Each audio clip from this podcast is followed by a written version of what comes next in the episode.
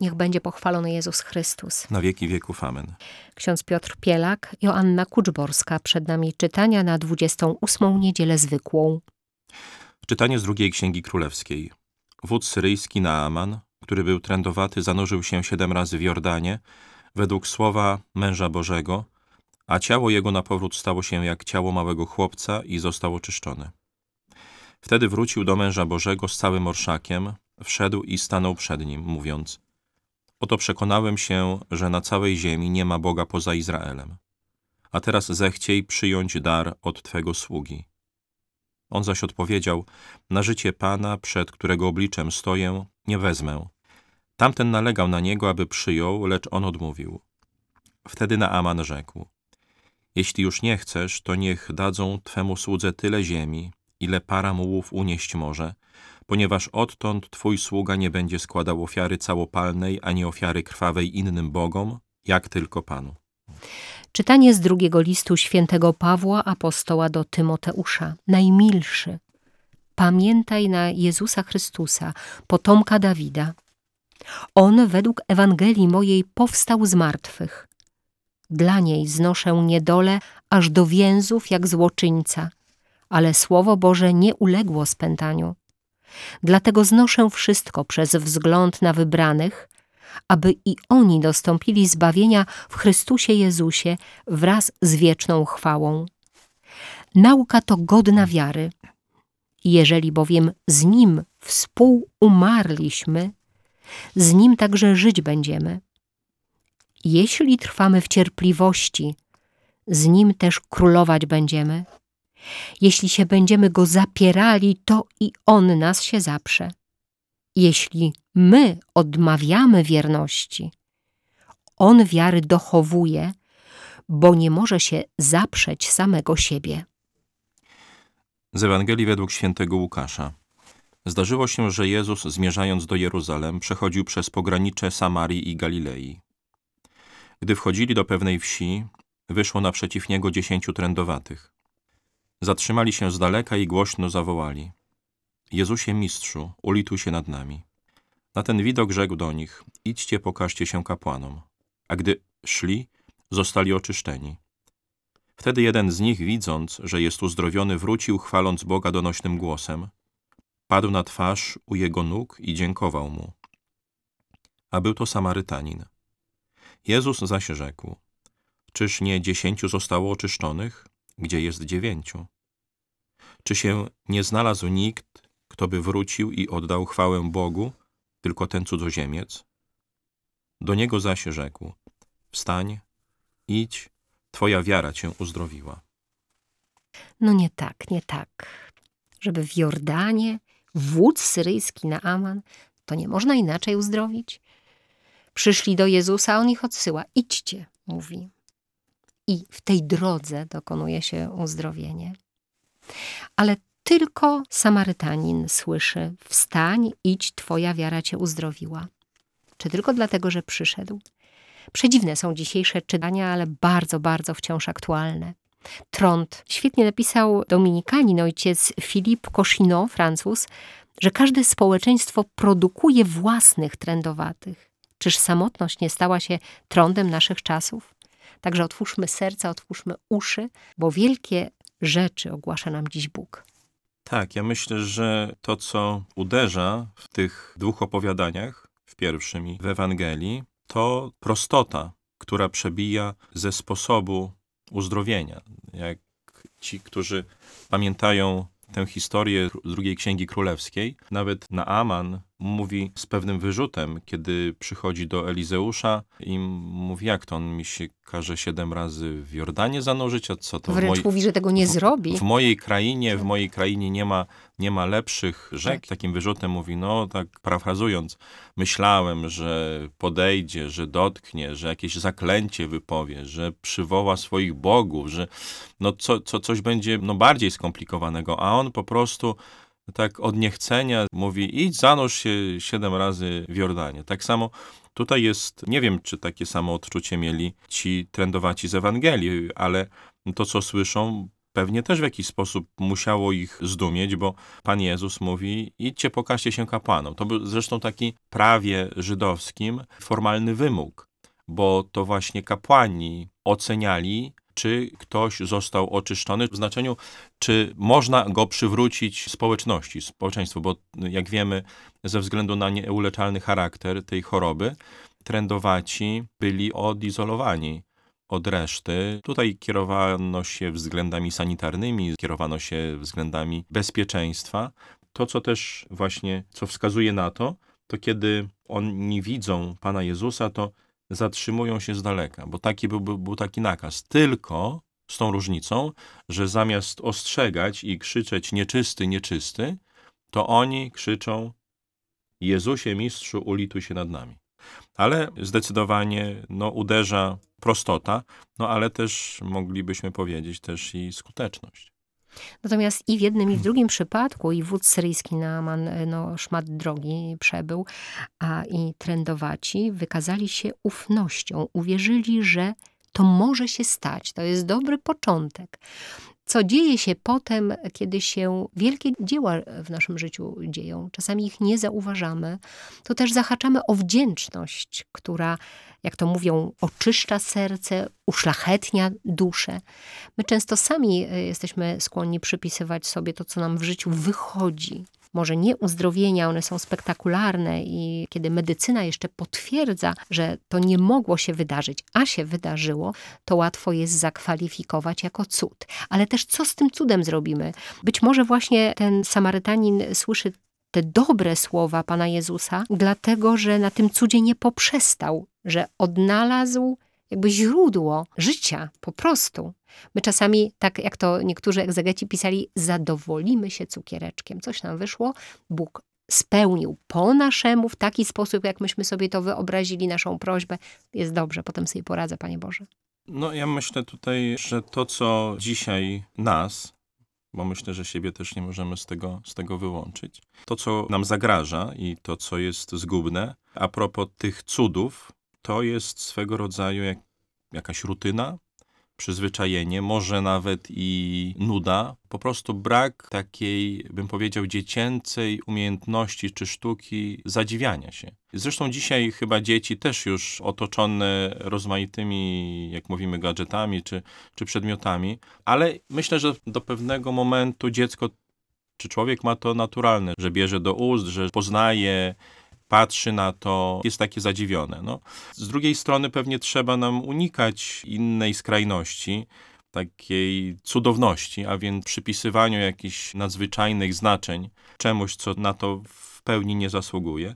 Tym niemniej jednak można powiedzieć, że w tym kontekście e, moglibyśmy powtórzyć ten werset z ubiegłej niedzieli, kiedy Pan Jezus, mówiąc przypowieść, historię o tym słudze, który przychodzi z pola i, i, mówi właściwie, no robię to, co do mnie należy. Słudzy nieużyteczni jesteśmy. Ja wiem, że to może dzisiaj w uszach wielu współczesnych brzmieć dosyć tak twardo, jak to słudzy nie, nieużyteczni jesteśmy, ale tak naprawdę to nie chciałbym, żeby to kogo, kogokolwiek ze słuchaczy zabolało, ale po prostu generalnie na, na nic nie zasługujemy do końca, tak? To jest, to jest łaską. To nie chodzi o to, żebyśmy patrzyli na innych, czy na to, co się dzieje z założonymi rękami i byli przekonani, że wszystko się dzieje gdzieś obok czy poza nami. Nie. Ale to wszystko jest dziełem Pana Boga. To jest dziełem Jego łaski, dziełem błogosławieństwa, czy efektem, efektem Jego błogosławieństwa. I no, my tylko no, współpracujemy nawet jeżeli nie użyjemy tego słowa, które dzisiaj brzmi dosyć anachronicznie, słudzy, no to no po prostu jesteśmy tylko współpracownikami. Natomiast to, co ksiądz mówił, że dzieci są już znudzone i zachowują się trochę jak dorośli, ja mam teraz wnuczka, więc tak obserwuję. Czasami dzieje się to też wtedy, kiedy jest przebodźcowanie, jest za dużo bodźców, za dużo się dzieje. I myślę, że to w ogóle dotyka współczesnego człowieka bardziej, ponieważ tych zabieraczy czasu i wypełniaczy jest bardzo wiele. I w takim stylu życia Bóg jest jedną z opcji. To nawet nie jest kwestia, że to jest za mało. To w ogóle jest nie tak No cóż, trudno się z panią tutaj nie zgodzić, ale rzeczywiście no, to jest kwestia pewnej kontroli tych bodźców i w stosunku do nas samych, i pewnie rodziców w stosunku do innych. Ja, w jaki sposób ma to się do końca dziać. Znaczy, warto sobie zdawać z tego sprawę, nie ale mieć świadomość. świadomość, Tak. mieć, mieć świadomość tego, no bo też i mówią o tym nauczyciele, że trudniej jest skupić uwagę i nie dlatego, że ci uczniowie no, nie mają dobrej woli, tylko tak jak pani tutaj powiedziała, oni są przebodźcowani, a więc została jak gdyby no, pewna granica przekroczona i człowiek w tej sytuacji nie potrafi funkcjonować. To, co dzisiaj mówi Słowo Boże, ta wdzięczność, czyli ciągłe odniesienie do Boga i potraktowanie Go jako źródła życia, tak jak ten Samarytanin wrócił do Jezusa, to trochę nas uleczy z tego przebodźcowania. W jednym z komentarzy przeczytałem, że wdzięczność to jest pamięć serca i że pisze autor, dokładnie Alessandro Pronzatto, że radość z życia, a więc zadowolenie z życia powinno stanowić taką odpowiedź z naszej strony. I on więcej, on tam nawet pisze, że uznaje uśmiech za gest liturgiczny. Ktoś mógłby powiedzieć, no to jest jakaś herezja. Ale jeżeli mamy współdziałać w dziele uświęcenia świata, no to to uświęcenie dokonuje się nie tylko w taki sposób no, materialny, ale właśnie taki sposób no, z pozoru nawet zadziwiający. To, że się do siebie uśmiechamy, można powiedzieć, to też jest taki no, banał, że świat czynimy lepszym. Lepiej, jak widzimy gdzieś tam na chodniku, czy w sklepie, czy w jakichś innych okolicznościach ludzi uśmiechniętych, niż no, ludzi ponurych. Oczywiście no, ktoś mógłby powiedzieć, ludzie pewnie mają jakieś, jakieś tam swoje powody do tego niezadowolenia. Z pewnością tak jest. Ale to nawet nie chodzi o optymizm czy pesymizm. To e, chodzi naprawdę o taką świadomą dyspozycję naszą, że częściej dziękujemy. My częściej narzekamy, tak zróbmy sobie rachunek sumienia. I kwękamy ciągle, że za mało, że nie tak. Taki piękny wiersz jest, Mar- Marian Urban bodajże napisał, że nie kwękajmy, że tak mało, ale dziękujmy, że aż tyle. To się wszystko dzieje w naszej głowie, w tym spojrzeniu. I tylko dzięki relacji z Bogiem możemy tak patrzeć na świat. Ja myślę, że jest to swego rodzaju takie odwrócenie trochę perspektywy, dlatego że, tak jak wspomniałem, albo możemy przyjąć taką postawę trochę roszczeniową i gdzieś tam ustawiać poprzeczkę, ciągle ją w szybkim tempie podwyższać i ciągle narzekać, że nie dostajemy do tego poziomu, albo po prostu sobie sami tworzymy, porównując się na przykład z innymi. Wtedy nic Nie, nie wtedy- cieszy, wtedy bo nic. zawsze ktoś ma lepiej. Tak, tak. To jest na tej zasadzie, że jak w tym naszym polskim przysłowiu, że jeśli chcę uderzyć psa, to, to, to kij zawsze znajdę. tak. I tutaj zawsze ten ma lepiej, no temu jest łatwiej. Tak czy inaczej, myślę, że ta szeroko rozumiana radość z życia. Niektórzy posiedli tę trudną sztukę, że w sytuacjach dla niektórych no, niezrozumiałych, na przykład mam na myśli konkretną panią u nas w hospicjum, ma amputowane dwie nogi. Ona nie użala się nad sobą, jest pogodna, jest uśmiechnięta, mało tego, pomaga po posiłkach, po obiedzie, zwozi talerze, angażuje się, chociaż nikt jej tego nie nakazał, nie mówił. Ja ostatnio nawet do niej zażartowałem, mówię, pani Mariano, pani powinna mieć jakiś dodatek. A ona, nie, bo ja po prostu lubię pomagać, tak? Nawet w tej sytuacji. I myślę, że dla wielu ludzi byłoby to no, zadziwiające. Niektórzy by powiedzieli, ojejku, przecież ona porusza się na wózku, a ona? Nie, po prostu. Ja, ja znam jeszcze bardziej drastyczną historię. Jeden mój znajomy, pan poeta z Siedlec, kiedy był w zakładzie odwiedzić kogoś bliskiego, spotkał pana na wózku bez rąk i bez nóg. Mówi, tak go to wstrząsnęło, że wprost zapytał, jak pan może żyć?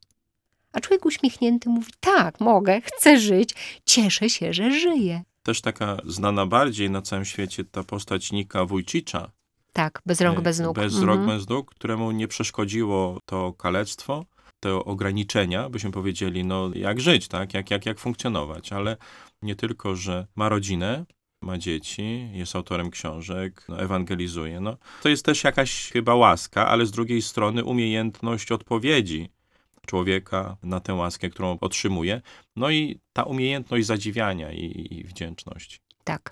Ja z radością zawsze zaglądam do tych książek, o których już wspominałam, które dostałam od księdza Piotra, a których autorami to są Ewangelia i Ci Głoś, biblista, jezuita, ojciec Silvio Fausti i nauczyciel matematyki i fizyki. Zawsze z radością patrzę na ten ich duet, Vincenzo Canella. I oni tam zawsze po rozważaniu poszczególnych fragmentów na różnych poziomach proponują modlitwy w oparciu o ten fragment. I jedną z tych modlitw właśnie dotyczących dzisiejszego fragmentu Ewangelii jest taka modlitwa, abyśmy prosili Boga, abyśmy umieli dziękować, czyli zauważać otrzymany dar, to co inni robią dla nas, to że inni są wokół nas, że mamy tylu życzliwych ludzi. Tak ksiądz Piotr posługuje w hospicjum. Ja zawsze, kiedy mam jakieś nieprzyjemne badania albo muszę iść do lekarza, coś, czego naprawdę chyba nikt nie lubi, to sobie zawsze myślę, że jestem wdzięczna Bogu, że żyję tu w Polsce, że mogę pójść na te badania. Ile ludzi na całym świecie są pozbawione opieki medycznej. Jak bardzo by to nie było przyjemne, jednak służy to mojemu dobru. Więc trzeba zawsze tak patrzeć, żeby to dobro umieć zobaczyć, a przede wszystkim prosić Boga, żeby nas uzdolnił do takiej dyspozycji serca, że dostajemy to z Jego ręki. Tak, myślę, że właśnie ta prośba, żeby Pan Bóg uzdolnił nas, jest to, jest, można powiedzieć, jest, jest słowem kluczem do całego tego zagadnienia, żeby Pan Bóg uzdolnił nasze serca do tego, abyśmy potrafili widzieć, no można powiedzieć, taki niecodzienny charakter, niepowtarzalny charakter życia każdego i każdej z nas, a z drugiej strony żebyśmy właśnie potrafili się zadziwiać. Ten duet Fausti Canella też wyłapali to, co jest, myślę, wspólne i dla fragmentu z drugiej Księgi Królewskiej, i dla dzisiejszej Ewangelii. Mianowicie taką myśl, nad którą warto też się pochylić, że czym innym jest uzdrowienie, a czym innym zbawienie. Ewangeliczne zbawienie dokonuje się tylko wówczas, gdy serce otwiera się na poznanie Chrystusa, na poznanie, które krzepi i każe iść. No i właśnie to jest wstań i idź. Wódz syryjski Naaman chciał potraktować ten wielki cud jako transakcję, dać pieniądze, zapłacić za to. Jak mąż Boży, Elizeusz odwraca tę sytuację. W rezultacie to on odjeżdża z ziemią.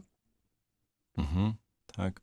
Tutaj myślę, że w tym fragmencie Ewangelii warto jest dopowiedzieć, że jak gdyby przesłaniem tej sceny, kiedy wraca jeden z uzdrowionych, można powiedzieć też treścią tego jest pokazanie, zresztą tak jak i to widać w zachowaniu Naamana, który mówi, że oto przekonałem się, że na całej ziemi nie ma Boga poza Izraelem.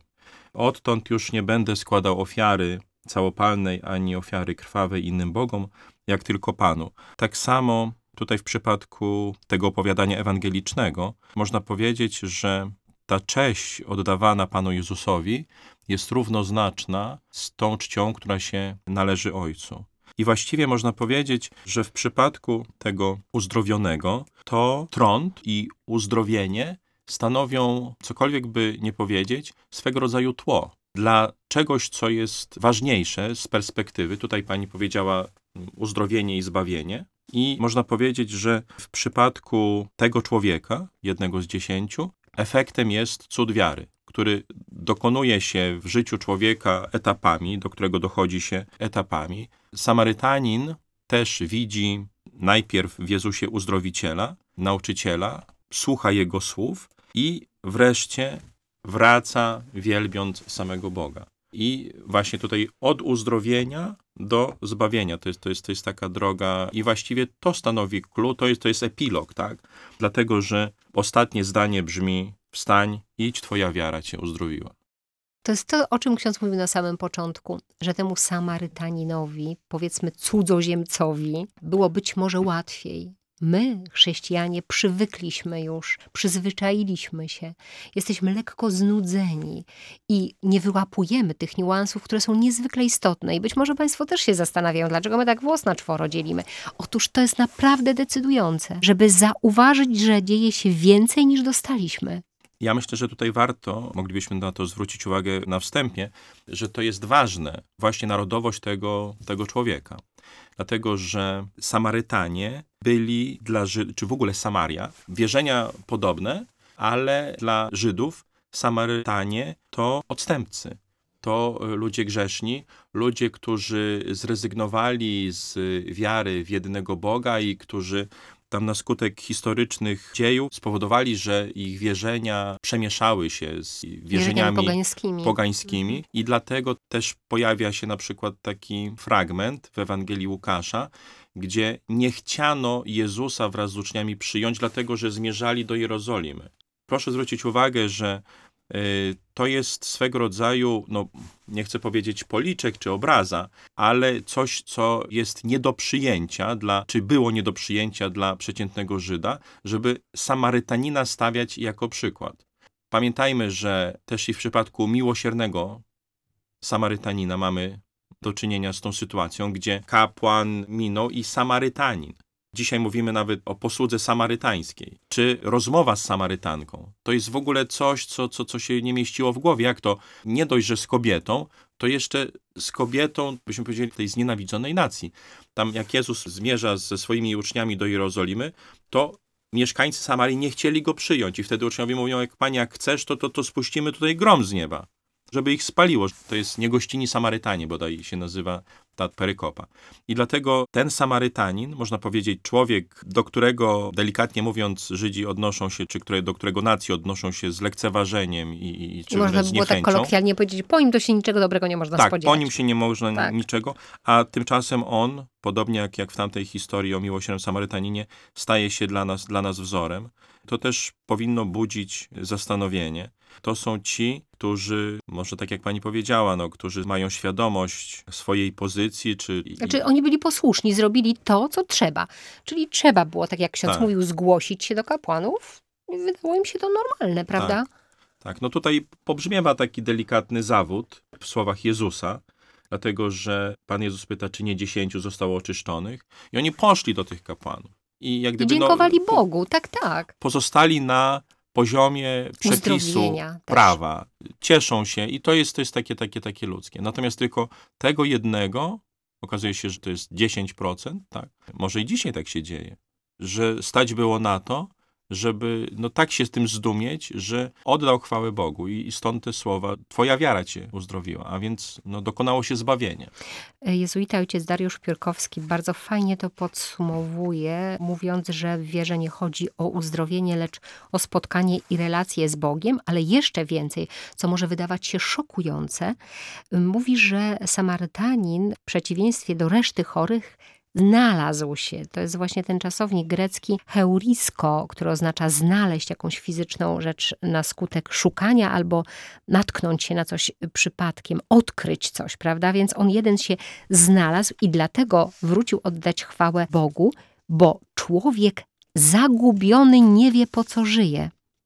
Jezus mówi do Samarytanina, że pozostali uzdrowieni się nie znaleźli, ponieważ nie odkryli jeszcze tego, co najważniejsze. Zatrzymali się na poziomie uzdrowienia i cudu, są jeszcze zagubieni.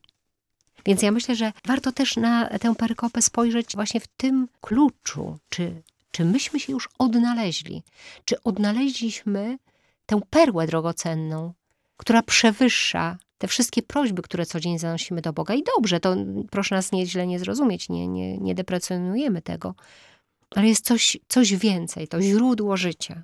Dokończę. Ojciec Dariusz Pyrkowski tak napisał. Mistycy powiadają, że prawdziwy kryzys w wierze i zarazem możliwość wzrostu zaczyna się wtedy, gdy Bóg przestaje nam dawać dotychczasowe dary, bo bardziej chce nas przyciągnąć do siebie niż do Jego darów. My jednak często odbieramy to objawienie jako katastrofę, milczenie i oddalenie Boga. Chciałam to dopowiedzieć, bo sama takie przeżywałam chwilę. Na koniec można powiedzieć, że każdy z nas ma wiele okazji, żeby w sposób szczególny dziękować Panu Bogu osobiście albo we wspólnocie.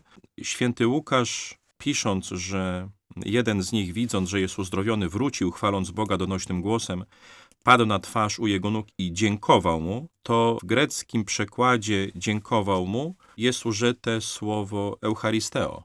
Eucharystia. I Eucharystia właśnie, czyli no, msza święta. Eucharystia jest nade wszystko czasem i formą przede wszystkim dziękczynienia Panu Bogu za te wszystkie wielkie dzieła, które stają się naszym udziałem. ale przez małe kroczki dorasta się do wielkich dzieł, więc może zacznijmy tak bardzo przyziemnie, wydawało się i prosto. Spróbujmy chociaż czasami naprawdę nakazując to sobie wręcz, ucieszyć się, być wdzięcznym, umieć dostrzec chociaż kilka spraw, rzeczy, ludzi, za który jesteśmy wdzięczni. Ja jestem bardzo wdzięczna, że ksiądz Piotr Pielak się zgodził być takim przewodnikiem w tych rozważaniach. Jestem bardzo wdzięczna, że mogę to robić w radiu, że po drugiej stronie są Państwo, dla których te nasze rozważania w jakiś sposób są pomocne, ale też zawsze powtarzamy, że nic nie zastąpi osobistego kontaktu z Bogiem. Także, drodzy Państwo, i to jest cudowne, że możemy być tak blisko naszego Stwórcy i Pana. Dziękujemy już za dzisiejsze spotkanie. Też będziemy się ćwiczyć w wdzięczności. Ksiądz Piotr Pielak, Joanna Kuczborska. Szczęść Boże. Szczęść Boże.